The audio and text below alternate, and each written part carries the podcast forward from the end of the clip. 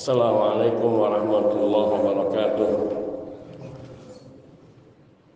Alhamdulillahi wahdah Wassalatu wassalamu ala man la nabiya ba'dah Wa ala alihi wa sahbihi wa mawala. Amma ba'd. Akhwan fiddin azani Allah wa iyyakum jami'a Wa rahimani wa rahimakum.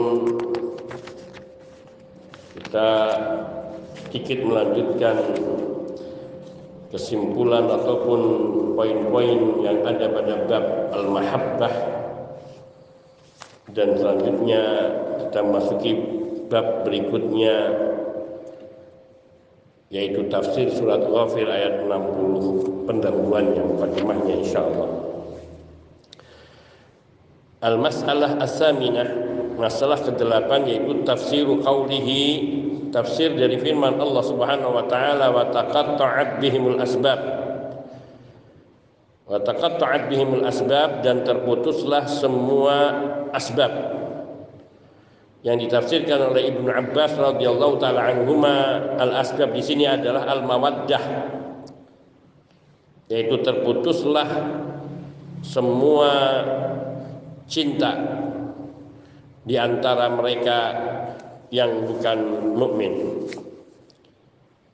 Dan tafsirnya sahabi idza kanat al-ayah min siyagil umum tafsirun bil misal tafsir seorang sahabat Nabi apabila ayat ini dari konteks umum maka tafsir ini yaitu tafsir dengan yang serupa menafsirkan hal yang serupa di annal ibrata fi nususil kitab was sunnah bi umumatiha karena pelajaran yang dapat dipetik dari nas-nas kitab dan sunnah yakni dilihat keumuman lafadznya, keumuman konteksnya.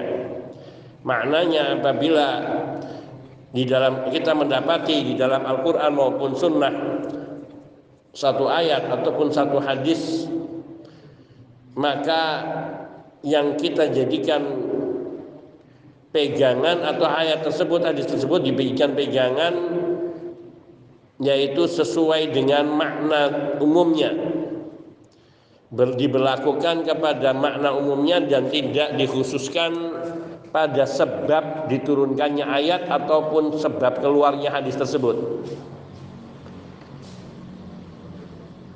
Jadi suatu ayat atau satu hadis atau ayat kita misalkan turun karena satu peristiwa maka ayat tersebut tidak hanya berlaku bagi kasus yang berkaitan dengan peristiwa tersebut di masa itu saja. Akan tetapi ayat ini berlaku secara umum sesuai dengan lafaz dan konteksnya. Seperti contohnya firman Allah Subhanahu wa taala dalam surat Al-Kahfi kul, kul hal unabbiukum bil akhsarina a'mala alladzina dhalla sa'yum fil hayatid dunya wa hum yahsabuna annahum yuhsinuna sun'a.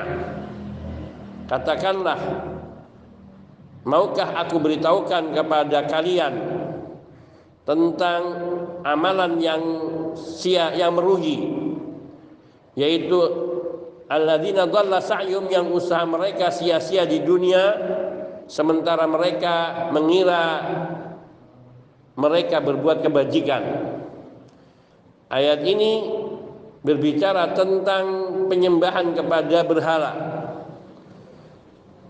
berkaitan dengan ayat itu ayat ini berkaitan dengan penyembahan berhala turunnya terhadap orang-orang musyrikin namun ini juga berlaku tidak hanya dihususkan bagi para penyembah berhala tapi berlaku bagi setiap bentuk peribadatan kepada selain Allah Subhanahu wa taala dan tidak hanya terjadi tidak hanya ditujukan kepada kaum musyrikin semata namun juga ditujukan kepada semua manusia ini makna al-ibratu fil kitab was sunnah bi umumatiha ay bi umumil lafzi.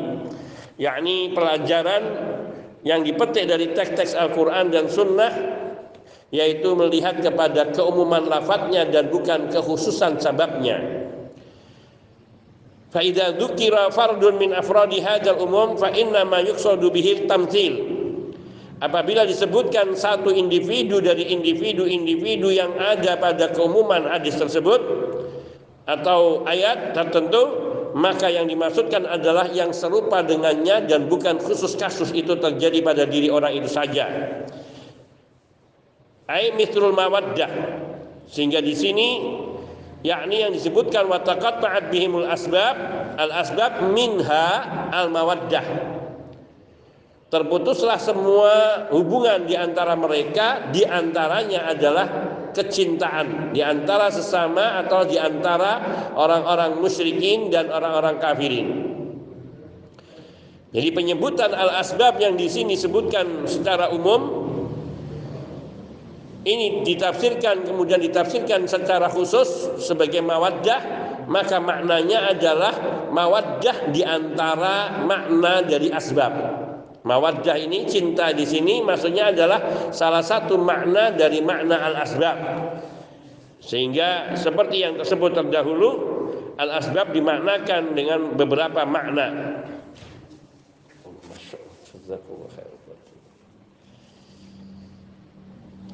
Lakin hatta al-asbab al-ukhra allati yatakarrabuna biha ila Allah wa laysat bi sahihah fa innaha tanqati' bihim wa la yanaluna minha khairan. Maka penyebutan al-mawaddah sebagaimana al-asbab ini tidak hanya khusus bagi mawaddah saja, akan tetapi sebab-sebab yang lainnya yang digunakan oleh kaum musyrikin dalam rangka bertakarrub kepada Allah dengan cara yang tidak benar, dengan cara yang tidak benar, laisat bisahihah, fa innaha tanqati'u bihim. Maka semua bentuk upaya ataupun jeripaya ataupun semua bentuk hubungan yang terjadi di antara kaum musyrikin di akhirat nanti terputus, tidak ada yang bersambung. Mereka saling mencintai di dunia karena apa pun sebabnya di akhirat terputus. Mereka saling setia di akhirat mereka terputus sudah tidak ada lagi yakni hubungan apa pun di akhirat. Wala yanaluna minha khairan dan mereka tidak mendapatkan kebaikan dari kecintaan di antara mereka atau sebab-sebab lain yang mereka lakukan di dalam rangka mendekatkan diri kepada Allah dengan cara yang tidak benar. Mereka yang beribadah di hadapan kuburan mereka yang tawaf di sekitar kuburan maka semua yang mereka lakukan itu tidak memberikan faedah apa pun di akhirat nanti. Itu makna wa taqatta'at bihimul asbab secara umum. Oleh karena itu kita banyak mendapati dalam Al-Qur'an maupun di dalam dalam hadis terutama dalam Al-Qur'an kadang satu lafaz ayat memiliki banyak makna. Satu lafaz ayat memiliki banyak, banyak makna selama itu semua memiliki keterkaitan. Seperti di antaranya firman Allah Subhanahu Wa Taala, Innalladzina qalu Rabbuna Allah, thumma istaqamu. Sesungguhnya orang-orang yang berkata Rabb kami adalah Allah kemudian mereka istiqamah. Maka para sahabat radhiyallahu taala anhum menafsirkan istaqamu istiqamah yaitu mereka mentauhidkan Allah Subhanahu wa taala di antaranya ada juga yang mengatakan yaitu mereka tetap berjalan di atas syariat Allah yaitu di atas di atas tauhid, di atas kitabullah dan sunnah Nabi sallallahu alaihi wasallam. Dan banyak beberapa penafsiran yang semuanya tidak saling bertentangan justru saling melengkapi. Ini makna bahwa sesungguhnya yakni satu lafaz kadang mengandung makna yang beragam namun tidak bertentangan. At-tasi'ah yang kesembilan, anna minal musyrikin man yuhibbullah hubban syadidan. Bahwa di antara orang-orang musyrik ada yang mereka ada di antara mereka yang mencintai Allah dengan kecintaan yang sangat. Ini diambil daripada firman Allah Subhanahu wa taala wa minan nasi may yattakhidhu min dunillahi andadan yuhibbunahum ka hubbillah. Di antara manusia yaitu kaum musyrikin di antara manusia ada yang menjadikan selain Allah Subhanahu wa taala sebagai sekutu-sekutu, tandingan-tandingan yang mereka mencintainya seperti mencintai Allah. Maka kata-kata wahum yuhibbunal asnama hubban syadidan.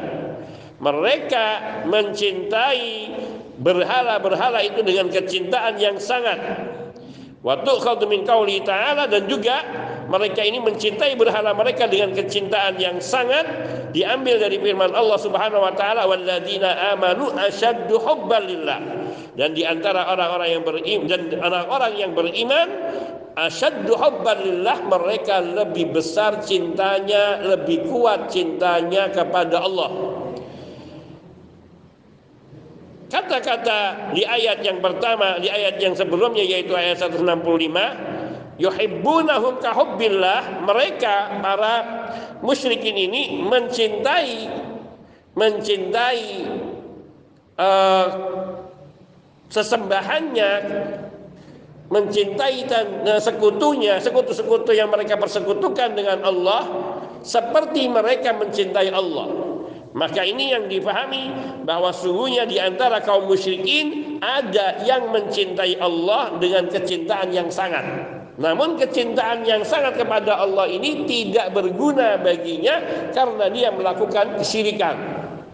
Dan Allah menegaskan walladzina amanu asyaddu hubban lillah dan orang-orang yang beriman sesungguhnya mereka ini lebih besar cintanya kepada Allah Azza wa Jalla daripada mereka orang-orang musyrikin mencintai Allah Azza wa Jalla atau daripada orang-orang musyrikin mereka mencintai Tuhan-Tuhan yang mereka sembah selain Allah. Fa asyaddu kata asyaddu ini adalah ismu tafdil atau ismu tafdil itu kata superlatif. Ismu tafdil itu superlatif dari kata-kata syadid asyad Syadid itu sangat. Kalau asyad sangat-sangat. Sangat-sangat. Ya dulu ala istirak fil makna ma'ziyadah. Yang menunjukkan arti ke, ke apa ke, keter, keterikatan atau ke keikut campuran, keikut sertaan, keikut sertaan di dalam makna dengan adanya tambahan makna. Fi hub mereka sama-sama dalam hal mencintai Allah dengan cintaan yang sangat. Tapi kecintaan mereka kepada Allah yang sangat dibarengi dengan kecintaan mereka yang sangat kepada berhala-berhala yang mereka sembah.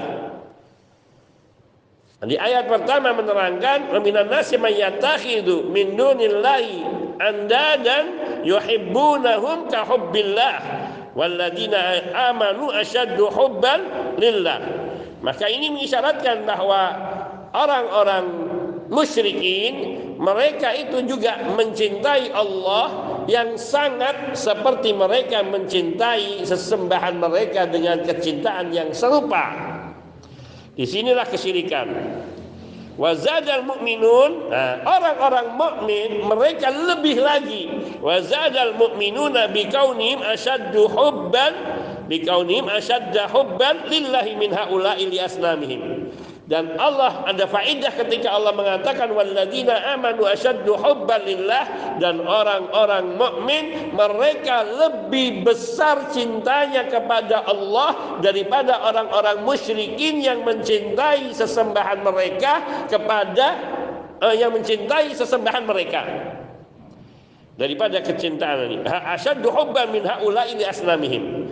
Ini mereka mencintai berhala-berhalanya mencintai sekutu-sekutunya seperti mereka mencintai Allah dan orang-orang mukmin lebih besar cintanya kepada Allah Subhanahu wa taala dibandingkan cintanya orang musyrikin ini kepada berhalanya kepada sesembahannya nah, ini menunjukkan mereka melakukan kesyirikan karena menyamakan cinta mereka kepada sesembahannya dengan cinta mereka kepada Allah.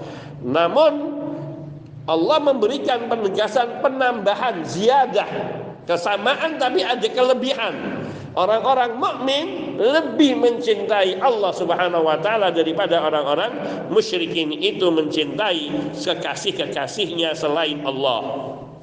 Kesepuluh al-ashirah al-wa'idu ala man kana as-samaniyah ahab ilaihi min dini. Ancaman terhadap orang yang mendahulukan cintanya kepada Allah mendahulukan cintanya kepada delapan perkara daripada cintanya kepada agamanya apa itu cintanya delapan perkara yakni yang disebutkan di dalam firman Allah Subhanahu wa taala surat At-Taubah ayat 24. Qul in kana aba'ukum wa abna'ukum wa ikhwanukum wa azwajukum wa ashiratukum wa amwalun iktaraftumuha wa tijaratun tahshawna kasadaha wa masakinu tardawnaha ahabba ilaikum minallahi wa rasuli ahabba ilaikum minallahi wa rasuli wa jihadin fi sabili fatarabbasu hatta yati Allah bi amri. Katakanlah wahai Rasul sallallahu alaihi wasallam, in kana abaukum apabila orang tua kalian, nenek moyang kalian, wa abnaukum anak-anak keturunan kalian, abnaukum wa ikhwanukum dan saudara-saudara kalian, wa azwajukum dan pasangan-pasangan kalian, suami-suami atau istri-istri kalian. Wa amwalun iktaraftumua dan harta yang kalian peroleh. Wa tijaratun takhshawna kasada dan perniagaan yang kalian takutkan kerugiannya. Wa masakin tardawnaha wa ashiratukum wa amwalun iktaraftumuha wa tijaratun tahsyawna kasadaha dan perniagaan yang kalian takutkan kerugiannya. Wa masakinu tardawna dan tempat tinggal yang kalian sukai. Ahabba ilaikum bila delapan hal ini lebih kalian cintai daripada Allah daripada mencintai Allah dan Rasulnya serta jihad di jalannya fatarabbasu maka nantikanlah. Al-wa'id di sini ancamannya fatarabbasu maka tunggulah. Fa'afad al-muallif rahimallahu taala annal amra huna lil wa'id. Al-Muallif rahimahullah yakni Syekhul Islam Muhammad Ibn Abdul Wahab rahimahullah taala menyebutkan faedah dari ayat ini fatarabbasu ini menunjukkan kepada ancaman yang keras dari Allah Subhanahu wa taala. Sampai Ibnu Qayyim rahimahullah uh, Ibnu Hajar Al-Asqalani rahimahullah taala beliau mengatakan tidak ada ancaman dalam Al-Qur'an yang lebih keras daripada ancaman ayat ini kepada orang-orang yang mendahulukan cinta delapan hal atas Allah dan Rasulnya serta jihad di jalan Allah Subhanahu wa taala. Karena kata-kata fatarabbasu sebuah tantangan dari Allah Subhanahu wa taala. Kalau kalian masih melakukan itu maka tunggulah Tunggulah. Hatta ya'ti Allah bi amri sehingga Allah mendatangkan siksanya. Yakni kepada mereka. Naudzubillah min dzalik. Al hadiyata asyrah. Uh, yang ke-11 anna man ittakhadha niddan. Tasawa tusawi mahabbatuhu mahabbatallah fahuwa syirkul akbar.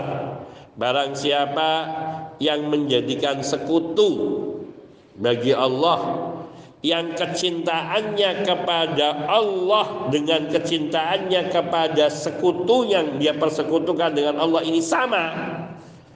Maknanya gini bahwa siapa yang menjadikan seseorang yang ia cintai seperti ia mencintai Allah, maka itu syirik akbar. Maka ini syirik akbar, bahwa syirkul akbar. Hal ini berdasarkan firman Allah Subhanahu wa taala di ayat 165 surah Al-Baqarah ini. Wa yuhibbunahum kahubbillah. Mereka mencintai sekutu-sekutunya seperti mereka mencintai Allah. Summa bayyana fi siyaqil ayat annahum musyrikuna syirkan akbar. Kemudian ayat ini menjelaskan bahwa mereka itu adalah orang-orang yang syirik dengan kesyirikan yang besar. Bidalilin malahu minal adab yaitu dalilnya ancaman siksa yang Allah timpakan kepada mereka. Ancaman siksa yang Allah timpakan kepada mereka karena menyamakan cintanya kepada seseorang ataupun sesuatu sama dengan kecintaannya kepada Allah Subhanahu wa taala. Yaitu misalnya Allah Subhanahu wa taala memerintahkannya untuk men, me, me, melaksanakan ibadah sholat, puasa dan haji serta zakat. Ia melaksanakannya. Namun kemudian ada orang-orang yang dia cintai memerintahkannya melakukan kesyirikan-kesyirikan dia laksanakan. Maka dia melaksanakan karena kecintaannya kepada orang tersebut sama juga kecintaan dia melaksanakan perintah-perintah Allah. Dan ini dalam hal ibadah tentunya. Maka ia telah mempersekutukan Allah dengan kesyirikan akbar.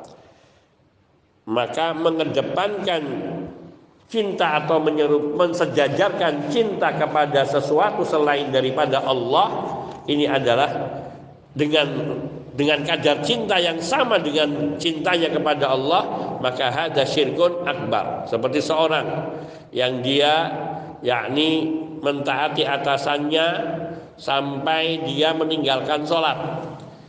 Karena misalnya dalam satu rapat atasannya yang notabin bukan muslim atau yang bukan orang yang taat dalam rapat yang membicarakan tentang proyek besar bernilai miliaran atau triliunan. Dari mulai sebelum duhur selesai sampai masuk maghrib lebih dan tidak bangkit dari tempatnya. Sampai selesai dan dia tidak pamit atau izin untuk melaksanakan sholat karena kecintaannya kepada atasan atau pada proyeknya. Ataupun pada atasan yang sedang membahas tentang proyek besar. Dan rasa takutnya kalau seandainya meninggalkan itu dia akan kena marah dengan atasannya. Maka dia telah menggabungkan syirikan besar yaitu asyirku fil mahabbah wasyirku fil khauf takut kepada selain Allah seperti takutnya dia kepada Allah dan kecintaannya dia kepada atasannya seperti kecintaan dia kepada Allah. Hadza minal masail al maujudah fi hadzal bab. Inilah masalah-masalah yang ada di dalam bab ini.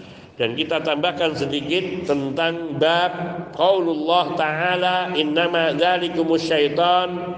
Jazakallahu khairan Innama dzalikumus syaitan yukhawifu awliya'ah fala takhafuhum wa khafuni in kuntum mu'minin.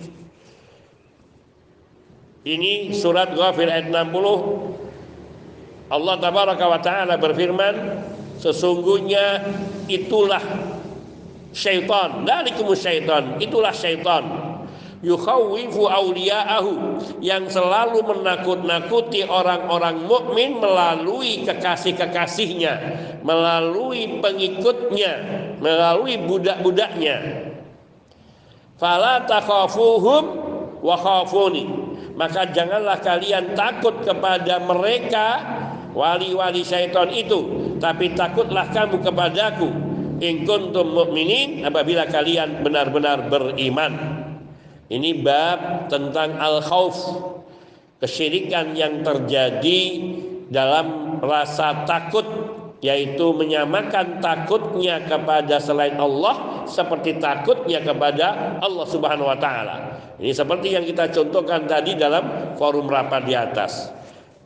Munasabatul bab lima qablahu hubungan bab di sini ini ayat ini dijadikan tema bab yaitu babul khauf hubungan bab ini dengan yang sebelumnya yaitu babul mahabbah.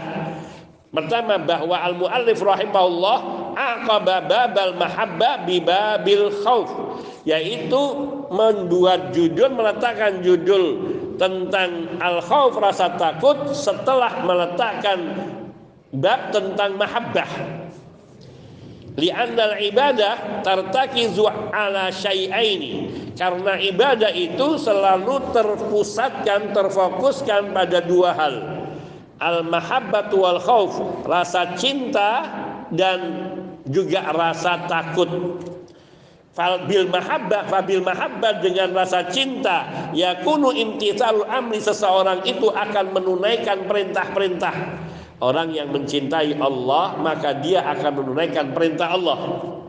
Wabil khaufi dan dengan rasa takut yang dimilikinya yakunu ijtinabal ya, yakunu ijtinaban nahyi dengan rasa takut dia akan menjauhi larangan-larangan Allah seorang hamba yang ia cinta kepada Allah akan menjalankan perintah-perintah Allah Subhanahu wa taala. Sedangkan seorang uh, hamba yang takut kepada Allah maka dia akan menjauhi larangan-larangan Allah Subhanahu wa taala. Takut dari ancaman siksanya, maka dia akan menjauhi larangan-larangan Allah. Maka orang yang beribadah kepada Allah menggabungkan dua prinsip ini, dua unsur ini, unsur mahabbah dan al-khauf, maka dia akan menjalankan perintah Allah dan menjauhi larangan Allah Subhanahu wa taala. Fa in kana tarikul ma'siyati yatrubul wusula ilallah ini kalau orang yang meninggalkan kemaksiatan itu menginginkan yakni yatlubul usul ingin sampai kepada Allah Azza wa Jal. Walakin hadza man lazama tarkal maksiyah namun ini ini berlaku bagi orang yang senantiasa meninggalkan senantiasa meninggalkan kemaksiatan. Walaysa huwal asas dan ini bukanlah yang menjadi prinsip utama. Hada lazama tarkal orang yang senantiasa meninggalkan kemaksiatan ini bukan prinsip satu-satunya laisa huwal asas. Harus ada dibarengi lain. Walau saat man la yazni limada laqala khaufa min Allah. Kalau seandainya engkau menanyakan kepada orang yang iltizam tadi yang meninggalkan kemaksiatan, mengapa engkau tidak berbuat zina atau mengapa ia tidak berbuat zina? Lakal niscaya dia akan mengatakan khaufa Allah karena takut kepada Allah. Ini orang yang senantiasa menjaga dirinya dari kemaksiatan. Kenapa? Karena ada khauf di dalam dirinya, takut kepada kepada Allah Azza wa Jal, takut kepada ancaman siksanya. Walau saat alladhi yusalli, seandainya engkau menanyakan kepada orang yang sholat, laqala tama'an fi wa mahabbah lahu Mengapa engkau sholat? Niscaya orang yang senantiasa sholat ini akan mengatakan karena ingin mendapatkan pahala dari Allah dan karena cinta kepada Allah Subhanahu wa taala. Dua unsur inilah yang menjadikan kesempurnaan di dalam beragama dan beribadah kepada Allah tabaraka wa taala. Wa kullun minhuma mulazimun lil akhar. Dua unsur ini menggandeng yang lainnya. Artinya tidak boleh lepas dari dua unsur ini kita beribadah kepada Allah. Harus ada mahabbah dan juga harus ada khauf. Dan juga sebenarnya satu lagi rojak yang insya Allah mungkin akan datang pada bab berikutnya. Rojak berpengharapan. Yang berpengharapan ini masuk ke dalam makna al-mahabbah yaitu kecintaan. Wa kullu minhuma mulazimul akhar fal khaif wal muti yuridani an najata min adabillah wal usul ila rahmati Orang yang takut dan orang yang taat beribadah, orang yang takut kepada Allah dan taat beribadah kepada Allah adalah dua orang yang sama-sama menginginkan dirinya selamat dari ancaman siksa Allah dan dapat sampai kepada rahmat Allah Subhanahu wa taala, dapat sampai kepada surganya. Wahada wahalil afdal insan janibal khauf au yughalliba. Nah ini. Mana yang harus lebih diutamakan? Apakah seseorang itu wajib mengutamakan sisi takutnya dan atau dia harus mengutamakan mendomin, menguatkan sisi pengharapannya? Pengharapan itu dia mengandung makna roja al-mahabbah. Para ulama berselisih pendapat dalam masalah ini. Mana yang harus lebih kuat? Rasa takut atau berpengharapannya kepada Allah Azza wa Jalla dalam ibadah? Fakila ada yang berpendapat yang bagi ayyughal liba janibal khauf liyahmilahu dzalika ala ijtinabil ma'siyah thumma fi'lu ta'ah. Ia harus lebih menguatkan sisi takutnya karena rasa takutnya lah yang akan mendorongnya untuk senantiasa menjauhi kemaksiatan yang kemudian akan mendorongnya untuk beramal ketaatan. Ini satu pendapat ada yang mengatakan lebih menguatkan sisi, sata, sisi rasa takutnya. Wakila ada juga yang berpendapat fi fi'lit ta'ah. Raja. Yang lain berpendapat harus menguatkan sisi pengharapannya kepada rahmat Allah Azza wa Jal. Liyakuna mutafailan agar ia selalu bersikap optimis dan bersikap bersikap positif kepada Allah positive thinking. Wa Rasul sallallahu sallallahu alaihi wasallam karena yu'jibuhul fa'lu. Rasulullah sallallahu alaihi wasallam sendiri beliau adalah orang yang sangat kagum dengan al-fa'lu yaitu sikap optimisme. Sikap positif dan optimis tadi. Wakila dan ada pula yang mengatakan fi fi'li ta'ah yughallibu janibar raja kalau dalam hal ketaatan harus dikuatkan sisi pengharapannya kepada Allah Azza wa Jalla. Ketika kita beribadah harus tumbuh besar rasa pengharapan diterimanya amalan kita dan mendapatkan apa yang dijanjikan oleh Allah Subhanahu wa taala. Falladhi manna alaihi bi fi'li hadhihi ta'ah sayamunnu alaihi bil qabul. Karena sungguhnya Allah yang menganugerahkan kepadanya untuk bisa melaksanakan ketaatan, Allah pula yang akan mengabulkan, menganugerahkan baginya diterimanya amalan. Yakni sisi pengharapan tadi akan menumbuhkan Allah menyuruh kita beramal, maka Allah akan me, akan menjanjikan balasan yang baik bagi amalan kita. Ini menguatkan sisi pengharapan kepada Allah dalam ketaatan, dalam mengerjakan ketaatan.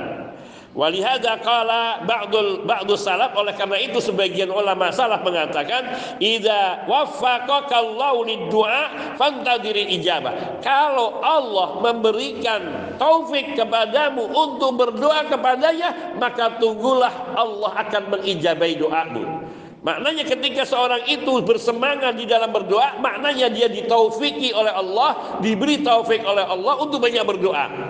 Nah, kalau orang ini beri taufik oleh Allah untuk banyak berdoa, maka tunggulah bahwa ia akan dikabulkan doanya.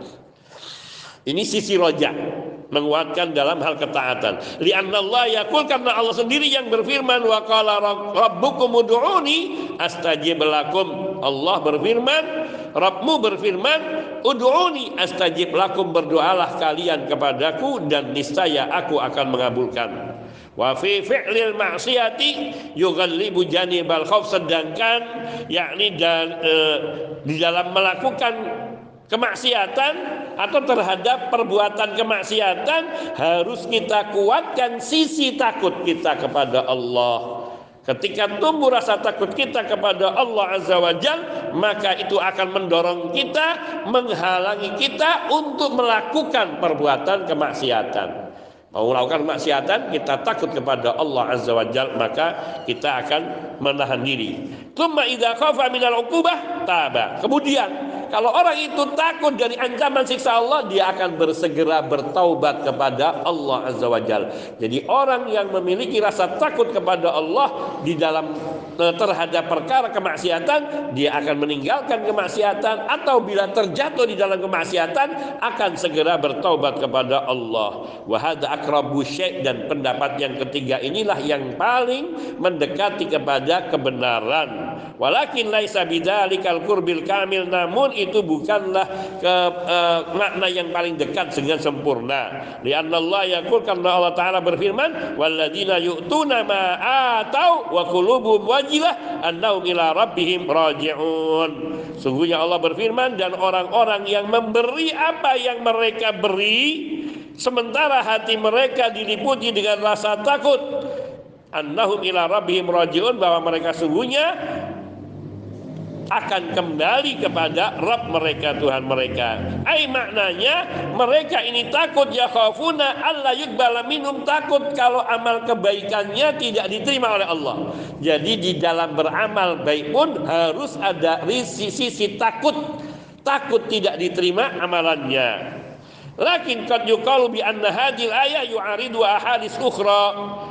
Akan tetapi Kadang-kadang ada yang mengatakan bahwa ayat ini ditentang atau bertentangan dengan hadis-hadis yang lain seperti hadisnya Rasul Shallallahu Alaihi Wasallam dalam hadis Qudsi yang meriwayatkan dari Allah Azza wa Jal yang Allah berfirman Ana inda dhanni abdi bi wa ana ma'ahu hina yazkuruni Ana inda dhanni abdi bi wa ana ma'hu hina yadhkuruni. Sungguhnya aku menurut prasangka hambaku terhadapku.